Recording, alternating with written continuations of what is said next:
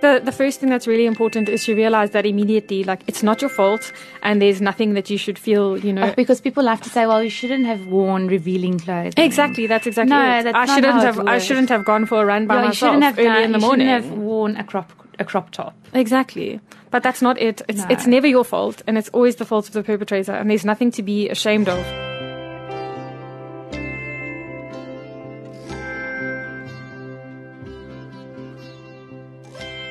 Survival Mode 101 is in samewerking met GRIP, die Greater Rape Intervention Program in die Laagveld. Die gesprek is met Johanna Strydom en Terren Lekoch, die hoofuitvoerende bestuurder van GRIP.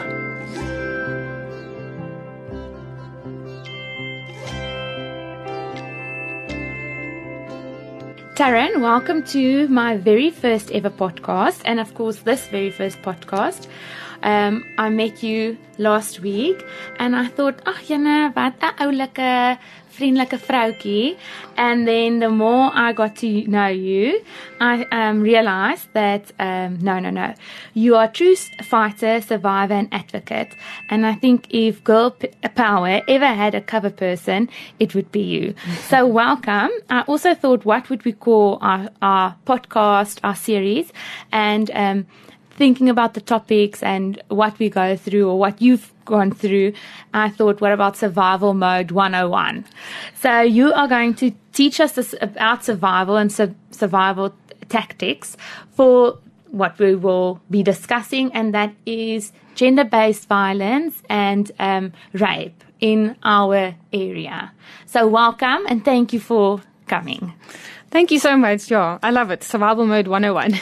and thank you for having me. I'm, I'm looking so forward to being part of this um, podcast. And um, yeah, Grip is so happy to be here.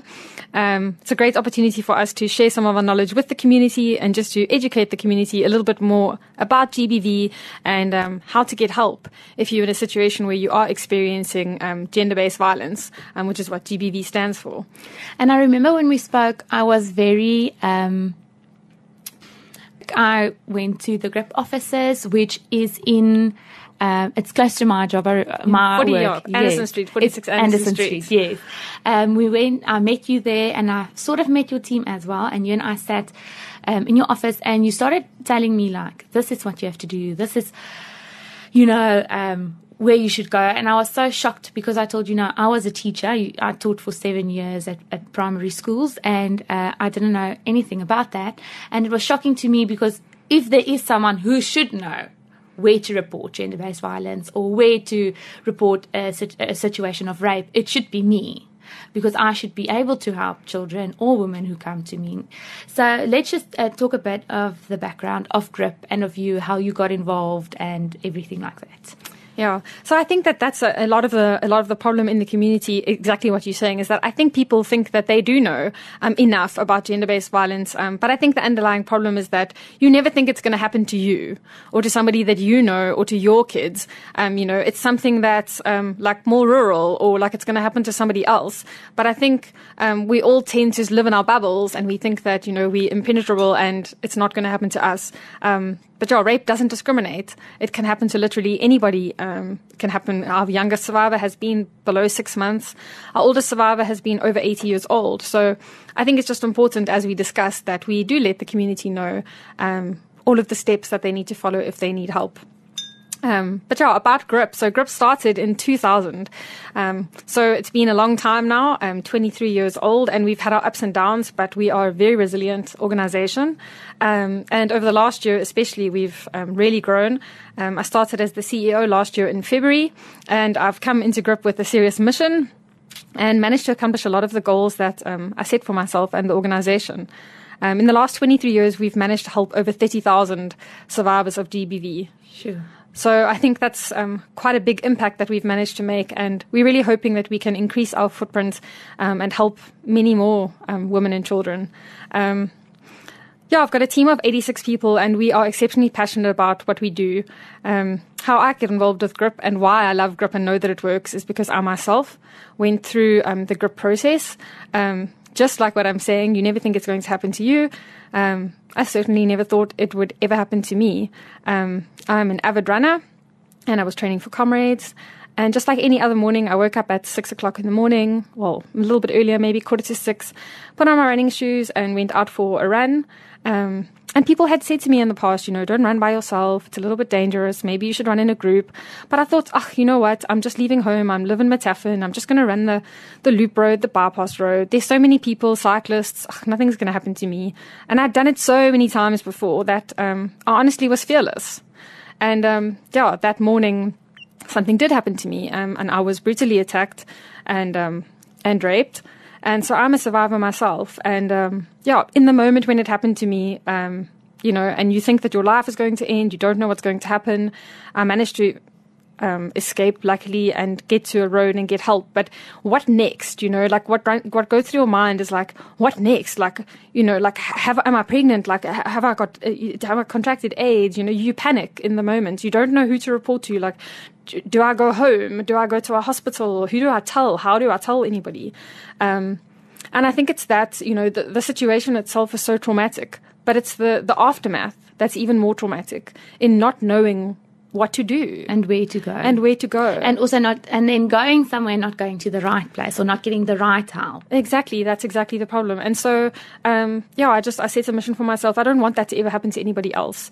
Um, I realize that I can't stop gender based violence altogether, and GRIP is never going to be able to completely stop gender based violence. But what we can do is make it better for the survivors after it happens, to educate people um, and to advocate for the rights of women and children in the community, to make sure that you know they are treated um, fairly and that they do get the medical treatment and the psychosocial support that they need um, after going through something like gender based violence. You and I quickly touched while I was at your office the other day about the increase in gender based violence and rape, and I asked you why. And a lot of people do, you know, you say it's because of poverty. It's everyone always says on the news it's because of poverty and um, hunger. What was it? Poverty and hunger, or what did you say? Yeah, I think it's got a lot to do with poverty, and I think it's lack of education as well. Yes, I think that's what we touched on. Is that I think that fundamentally, um, a lot of people have sort of lost the, I mean, the concept of like what is right and what is wrong. I think a lot of these things in our communities become like patriarchal, like norms. Um, you know, like people start to normalize these things because it happens so frequently. Um, and without education and the frustration of being like poor and jobless, um, especially in the more rural communities, but coming closer to where we all live as well, um, there's a lot of frustration and a lot of anger. Um, I mean, people don't rape and attack women and children um, because they have any kind of like a sexual desire. It's mainly because they're angry and it's a power thing. It's all about power. Um, and so, yeah, I truly believe that with a lot of education um, and support, that we can improve um, the rape stats and gender-based violence in the community. And you've also had out with human trafficking. It's the you've had your first, not GRIP's first victim, but while you've been working at GRIP, you now have had your first um, contact with someone who's been trafficked? Yeah, so we've had so we had a young girl that um, was trafficked, was brought across the border from Mozambique. Um, and it's really scary. You know, these things, it's my first one year since I've been working at GRIP. Um, but now, obviously, having researched it and like what to do and what we should do about it, I've realized that there's been a number of them. Um, and so, yeah, it doesn't just stop obviously in South Africa. This is an this is a worldwide problem, yes. but it's it's it's an African problem. Um, South Africa, I think we also discussed and we said, you know, South Africa is one of the top three countries in the world with the most rapes and the most gender based violence. Um, and so certainly there is, you know, there's a need for an organization like GRIP and the community to stand together against, um, against GBV because it's affecting our country really badly. Um, if we look at the latest statistics, which is also something you were shocked about, um, from October to December, there was over 12,000 rapes. Yes. And you said how many was that per day? It's crazy. Math, yeah, we did. Yeah, I didn't do the math. Let's be honest, you did. we said that there's like at least four to five uh, women that are being um, raped a day. Um, there's over a thousand one hundred women that have been murdered. Um, you know, this has a huge impact on on our community. And also, it's only the ones that get reported. We don't know how many and that is the and that is exactly it. That is exactly it. When we're doing our door to door campaigning in the community, and even when we're going to the local high schools in Nelspruit, it's it's surprising how many people don't really know much about gender based violence. Um, there may be domestic violence going on at home, but they don't even realize that that it is that it is domestic violence. violence, or that they are being emotionally abused um, or sexually abused. Um, so yeah, it's it's for me. Um, education ties in a lot with with GBV. And we do have preventative programs where we are in the communities trying to educate people about, you know, no means no and what is safe sex and HIV and all that kind of thing. And consent. And you consent. Spoke about consent. Yeah. Not everyone understands. No one, not everybody understands what, you know, no means no. It's all about consent. And if you don't have consent um, and you take advantage of somebody, then that is rape. And you've also seen in, an increase in um, date rape. Yeah, so date rape is also something that we um, that we deal with. That I definitely think that we'll, we'll do a podcast about it because I think young people need to have more information. Um, but certainly, yes, date rape does happen, and I think what's really scary about that is I think it might even be more traumatic to not remember what happened to you, but to know that something happened. Happened. Um, so those types of cases are especially difficult for us to counsel and support um, because there's such a lack of information. Um, and I think that you kind of torture yourself trying to remember What um, happened, what What, happened. happened? What But happened? you what won't. happened? But you won't. Um, but I guess what's what's most important is, um, you know, if you do suspect that you've been date raped, or um, if you are experiencing GBV, or think you might be experiencing GBV, then report. Because we can help and we can, you know, we can assist you. We can clarify, like, is it GBV? Yes. Is it not GBV? Um, and yeah, what I want to use this podcast for is also just to encourage people and to let people know the importance of reporting timeously. Because I think that's our biggest challenge at GRIP is that we do eventually get people to come and disclose and we are able to help them, but not as much as we wish we could. You have to report within 72 hours for us to be able to assist you with the full GRIP circle of care. So we can only give you PEP medication, which is post exposure prophylaxis. And that helps with preventing AIDS, HIV. Exactly, and that helps you. It's very important. That's very important. So that can stop you from um, contracting HIV and AIDS. And then obviously there's also stuff like emergency contraceptives, which is really important. Um, you know, in a date rape situation, in any kind of sort of rape situation, um, we certainly don't want you to risk contracting HIV or to become pregnant. Um, so it's really important that you report within within 72 hours. Where should you go and who should go to GRIP? Uh, let's start with who should go to GRIP. Um, bullying, um, people who have raped someone, um, should they come to you or, you know, who do you cater for? Yeah. So I think it's important to know. So I think it's important to understand gender-based violence. So GRIP, we specialize in gender-based violence and in people that have um, being abused. So whether it's domestic abuse or emotional abuse within your household, um, with interpartner violence, um, sexual abuse, any kind of rape, if there's child act cases where a child is being abused, um, whether it be um, just abused or sexually abused. Um, those are the kinds of cases that we that we specialize in. So it's any kind of gender-based violence, things like depression or bullying or that kind of thing um, is not what we specialize in. Of course, we would like to help everybody, um, but we are trained on gender-based violence, and that is what we specialize in. If, however, you do have, you know, suicidal thoughts or you are depressed or there is something that you're concerned about um, somebody that you know or your family we can put you into contact with other organizations that we work with. So there's obviously a big network of non-profit organizations um, and we're all working together to help improve the community. So certainly there are organizations that do assist um, you know with people who are depressed or or with perpetrators as you mentioned. So there's another organiza- organization called NICRO that does help with um, with perpetrators. So yeah, I think it's important also to know that GRIP has a network of support. So, if you do suffer from that, and the only place you know is GRIP, you can still we'll still send you into the right direction. exactly, that's the thing is we're not going to turn anybody away. No. So certainly you can still phone GRIP, and um, we can still say to you like, you know, look, it's not exactly what we um, what we are what we specialize in, but you are, you know, um, welcome to contact one of these organizations, or if you'd like to meet with our social worker, she can perhaps guide you in the right direction, because we do have a number of qualified social workers on our team, and they obviously have a really good network of other social workers that they work closely with. And where can you find people staying in Nelspruit? Well, let's talk about where the offices are. Where can we find GRIP? If we go to a hospital, you've mentioned that uh, Nelspruit, it's Rob Ferreira. When you go into the hospital, you ask the security guard. That's how I remember it. You go to Yes. casualties, you ask the security guard, and he will point you into the direction of GRIP. Where if you've been raped or you've been um, assaulted, don't sit in casualties and wait for the doctor. Go to the GRIP office, and then from there they'll assist you. But where else can we find a GRIP office? In Anderson Street, I Yeah. know that one now. so that's exactly it. So yes, we are in Anderson Street, and we do have walk-in clients that we can assist. Um, but we are also so we've tried to station ourselves in all of the points of entry where somebody could come and re- report a rape. So we are in Nelspruit Police Station.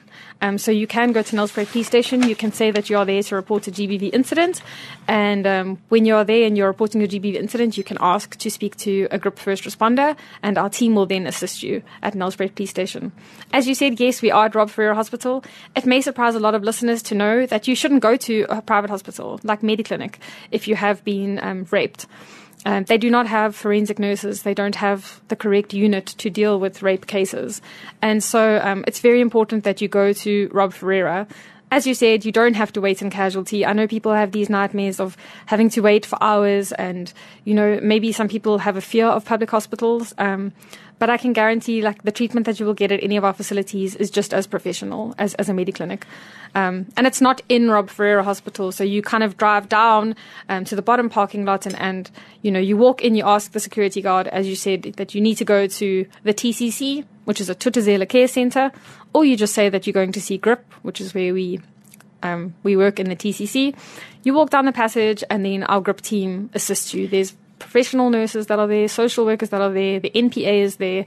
Everybody that you need to support you is is there um, in the hospital. and um, you've said that though they they the team will be there 24 7 there's always someone there you won't come to an empty office or at 12 o'clock at night there'll still be someone there to help you Yeah, so at Rob Ferreira, we operate on 24 hour shifts. That's 100%.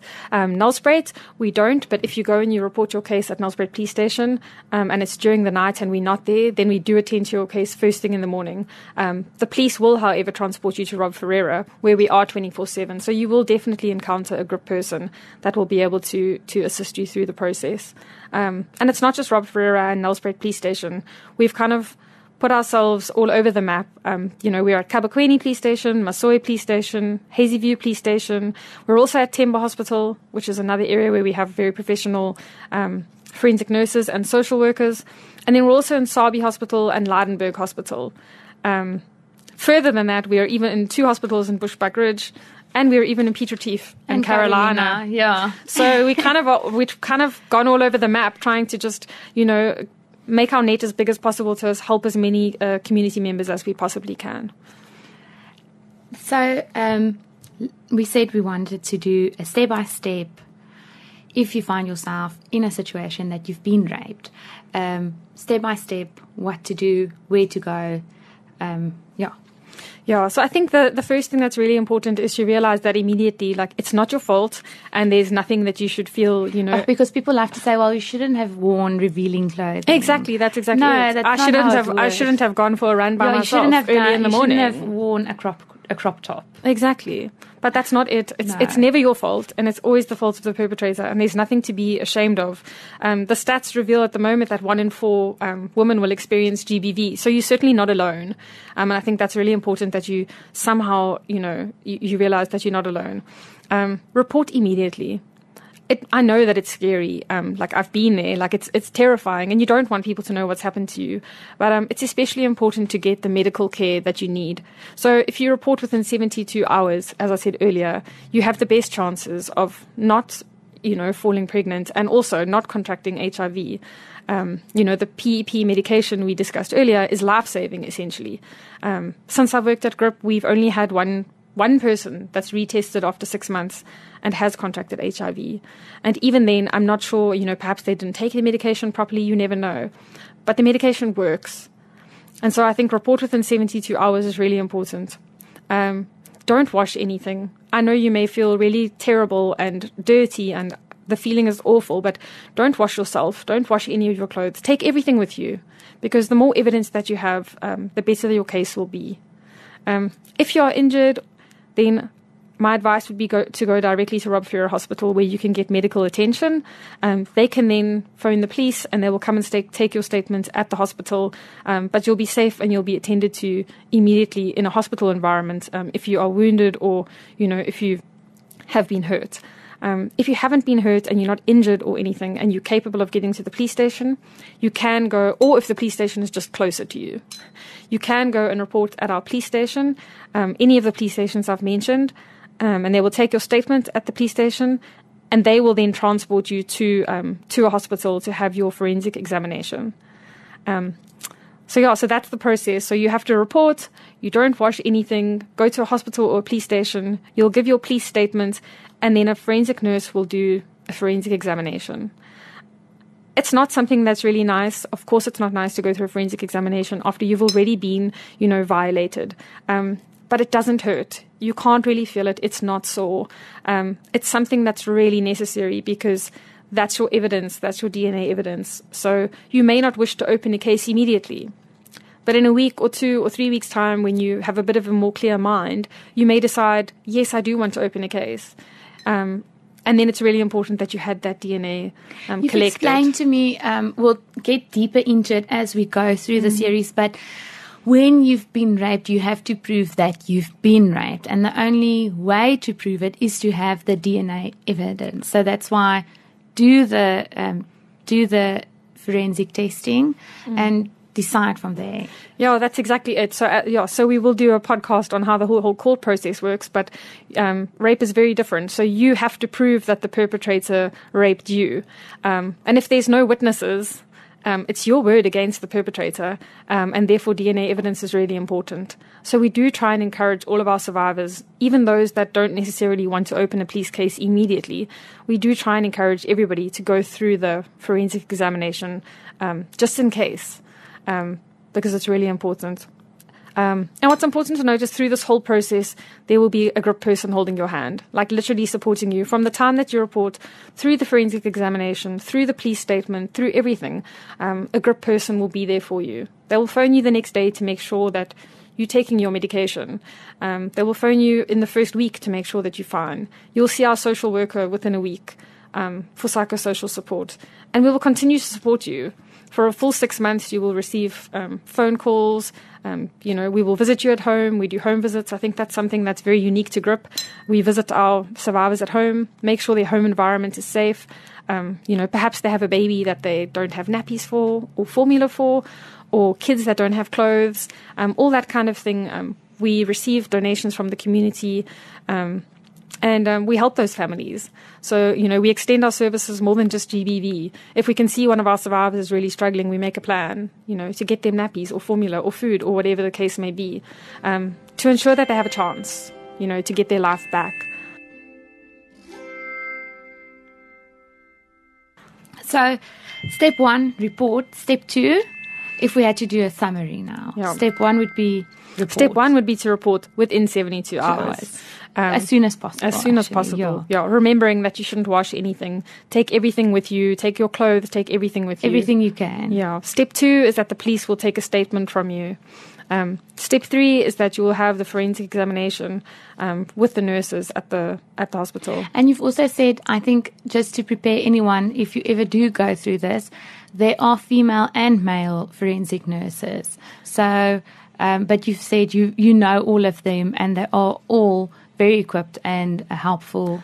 Yeah, so there are female um, forensic nurses. There are also male forensic nurses, um, which some people may be uncomfortable with. Um, but having worked for GRIP now for over a year, um, I've come to realize that it is a profession and it's a job, and they are very professional about what they do. Um, the grip workers, however, in the hospital are all female, and so you will have a female with you um, the entire time, even if your forensic nurse is a male nurse. Um, so yeah, you'll have your forensic examination. That was our step three, and then after that, um, you will be debriefed. So you'll be able to see a social worker or one of our qualified um, first responders who've got many years' experience, and um, they'll be able to assist you with some psychosocial support, just making sure that you're okay, um, because it's really difficult to to kind of contain the trauma. Um, there's a lot that you go through. You've already been through, you know, a, a very traumatic, horrible event, um, and the process thereafter is not easy to go through. But it is much easier if you have somebody that's Already taking knows you, the yeah, and that's taking you through it step by step. Um, and that is what our GRIP first responders can do. They can take you through the process step by step. I think actually there should just be one step. You should just go to the GRIP office, tell them what happened, and then just because I think that's what my game plan plan would be. My survival mode now would just be Get to ask, grip. ask casualty, point me into the direction, and just be like, "This is what happened to me," I want grip. and then uh, call them to help me. and that's exactly it. it's and that's- actually better because yeah. then you won't miss a step. You don't Yeah. have to. If you take one thing from this podcast from today, Mm. it's to go to grip if you are in a rape situation or a domestic violence situation. Yeah, And they will exactly help it. you to take it from there in That's the right exa- order. And that's exactly it. And that's what we try and tell our survivors. So, that, yeah, this podcast is definitely about giving information to you and letting you know the steps and everything. Um, but if you come to grip, then we'll do the thinking for you. Yes, you don't have know? to think. You just they'll take you by the hand and go through everything with you because that's what they do and that's what they qualify to do. And it's not their first time. No. you know We've- they've yeah. they've helped a lot of people. Yeah, we've yeah we've as I said we've helped over thirty thousand women, so we are experienced. We know what we're doing, um, and we will stay with you like right through until the day where you, hopefully your case goes to court. Um, and if that does happen, we'll still be there. We'll do pre-court training with you and everything. So it's very oh, it's just And very important. I think that's the importance of going to, even though you've got a private medical aid fund and everything, go to Rob or go to um, Themba. Themba or go to the government hospital because they're the only ones with forensic nurses. If you do go to a private hospital, there's no one qualified to do forensics. So you're going to have to wait for someone from the government hospital to come, or they're going to Mm. They're gonna refer you back They're going to refer Ferreira. you back. So save afterwards. If you want to get admitted, you can go. Just do your forensics at the uh, government hospital. Yeah, hundred percent, and that's also yeah for people that do have medical aids or that feel like you know they would prefer to be treated in in, in a mediclinic or a private hospital. That's fine, but you can get your forensic examination done first by the qualified professional nurses, and thereafter you can ask to be transferred to your private hospital. Um, that's entirely possible. And if anyone wanted to get involved, how can they get involved? Um, I know finan- financially it's always um, a nice way to help, but if you wanted to get involved with your time or, you know, what what would you say? So there's a lot of things that yeah, there's a lot of things that we collect. That's not so it's not just necessarily money. So you know, if people have had babies and they've got you know old baby clothes that they didn't use, or nappies that are left over, or formula, or whatever it is, um, those kind of donations we always accept very willingly. Um, it's very helpful, um, especially in our shelters, which is something we'll have also another Yes, podcast definitely. about. But that's that's definitely helpful. And then in terms of volunteering time, we do have students that come from schools And you've got um, your youngest your youngest grip. Uh, Yes, my youngest Grip employee. So my youngest Grip employee who'll be so happy to be mentioned on the podcast. So we've got Ukukle, who's my program manager's granddaughter. Um, yeah, she often comes. She assists with you know she's three. So small things. No, she's Oh. she's not. uh, She's She started she's when she was turning- three. She's turning eleven tomorrow. Ah, okay. Yes, she probably did start when she was three. She's um she helps us with small things, you know, just like covering files and like Yeah, c- organizing stationery. So there's a lot of admin um kind of things that you can volunteer to, to do at, at GRIP. Um, also at the shelters um, and with our staff, we've had someone recently that's now volunteered his time to come and do computer courses with the staff. So to teach them, you know, how to use Excel, how to use Word, how to copy paste. If someone can just teach me how to use Excel, I'll be so glad.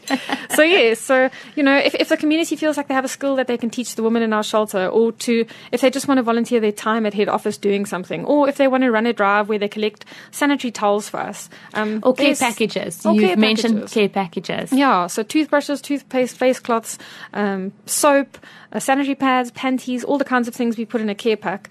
Um, a care pack is something we obviously give to our survivors.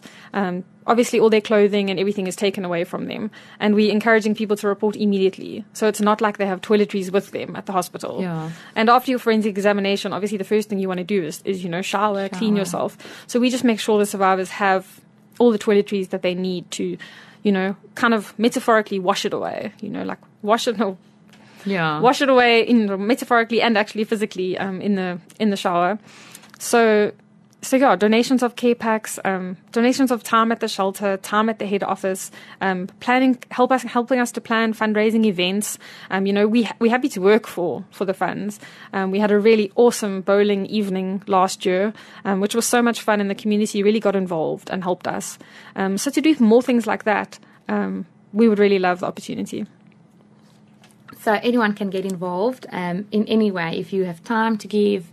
You pref- not prefer time, but it's also nice to. I think it's good for people as well, for people who haven't been affected. Let's say you haven't been Yeah. affected. But that's exactly But- it. It's humbling. It's humbling, yeah. And oh, and you also said you've got like uh, high school kids that come to Yep. do community service. Yeah, so we do offer that as well. So we had a number of kids that come from um, last year. We had quite a number from Penryn that came, and they did their community service work with us. So they also assisted with like covering files, organizing our file cabinets, um, packing all the care packs in the different age groups. Obviously, we have to cater for small, medium, large, boy, girl. Um, and yeah, I felt like they had quite a fun, quite a lot of fun doing it. They came in groups of like three or four. Um, and yeah, it was it was really a nice experience for them as well, just to give back. Yeah. Um, I think you know when you do something you know like community service, you do feel good about it afterwards. Like you're giving back to your. My mom always used to say if you feel depressed, as jy de- depressie voel of jy voel nie lekker nie, doen iets vir iemand anders. Ja. Want dan dan voel jy weer goed. Oor, nie oor jouself nie, maar dit maak jou bly om iemand te help. So Ja. lekker om iemand te help. I'm saying it in Afrikaans the way my mom Ja. always used to say it. Doen iets vir as jy nie lekker voel nie, doen iets vir iemand anders. Hundred percent, and it's so true. Like helping is healing. It really is. Yeah. Um, and I think sometimes it also gives you it makes you feel like you have a purpose again. Yeah, and to, that's yeah, to that's, be involved in such a in, in such a if you look at the bigger picture, Mm. just to say, that even if it is just covering files, you've helped someone. Yeah, and that's know? it, that's exactly it. it. It is exactly like that. Um, I feel extremely blessed to wake up every day and be part of this this fight, working with like an army of women who are so dedicated, you know, in the fight against gender-based violence. And um, it has. It's given me certainly, you know, thinking that I didn't have any kind of a future.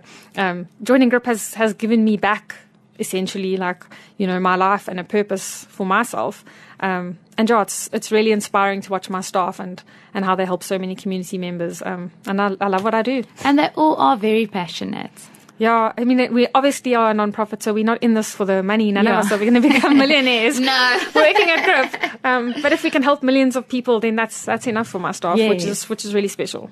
And how can we spread awareness? So obviously, like I've told you, I've learned so much in in this, like this first episode of the series. I've learned so much, and I think it's so important for everyone to know this, the you know the steps and how to survive. And we talk about survivors because we don't want to talk about victims. We mm. want to talk about survivors because you've overcome what hap- what mm. has happened to you, and you've turned it into a positive.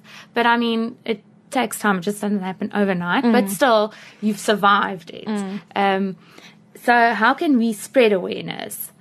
Yeah, so we are trying our best. So obviously, we go to to schools um, and we tr- have appointments with the various grades, and then we chat about gender-based violence. And we are out in the community. You know, we go to SASSA grant offices, we go to clinics. Um, so we try and get out as much as possible. Um, but in terms of the community, um, listen to our podcasts, listen to Radio Laeveld, because I'm going to be live at some point as well doing an interview um, about GRIP. Um, and then, yeah, I mean, if you are working in an office or you are listening to this and you're at a school um, where you feel like we could help um, by doing an awareness, um, then reach out to us.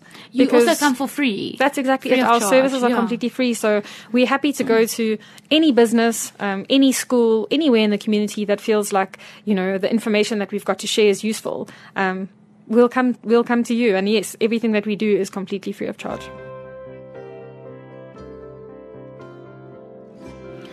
So we'll be back with many more episodes, and hopefully we're going to be speaking to some of your team members. Yes, of course. and also some volunteers, a, ju- a judge, I think. Yeah. So um, I think we said we're going to speak to um, our paralegal. Yes. Yeah, not a, I wish I could get a judge, but our paralegal, um, who's on our human rights team, and then perhaps somebody from our shelter, And, um, um, somebody that works in the court, a friend of the court. Yes. Um, so there's quite a lot of team members that can can join us and share their experience working at GRIP. So we'll focus on the process. Then we'll speak about human rights um, as well on Human Rights Day or in that weekend, I think. You yep. have planned it that way. And then the court process, which is also very traumatizing and important. So, yeah, still a lot more to come, but um, just positive in, in a positive way. We're gonna, Yeah, like we said, it's survival mode 101, and now we've sort of touched on what you should do. We've given you sort of the um, what what do you call it? The tricks of the trade? No, the different steps to follow. But like we said, the most important step is go when you go to casualties, go to the grip office, and they're gonna they will just handle it from there with you. And I think if there's one thing you take from today, it should be that. Yeah, no, I completely agree. It's that if it happens to you, don't feel like you can't report it. Don't feel it's too scared and don't wait because that 72 hours is so important. So, yeah, if you can take one thing, just immediately contact contact grip, phone grip, um, get hold of us, get to Rob Ferreira, get to Nelspruit Police Station, come to our head office, whatever is easiest and closest for you, and then we'll take it from there. and to remember, you're not alone. You're not alone. You definitely are not alone. Um, and Grip will remind you of that throughout the process. Um, you certainly are not alone. We're helping many women um, all at the same time, consistently. So you certainly, if you're out there listening and you are a, a victim of GBV, um, come join us and be a survivor. So watch this space for our next episode. Tarryn, thanks so much. But Tarryn, I will be back um, with our next episode. Awesome. It's such a pleasure. Um, and yeah, we really appreciate this opportunity to spread the word about Grip on Laeveld Radio.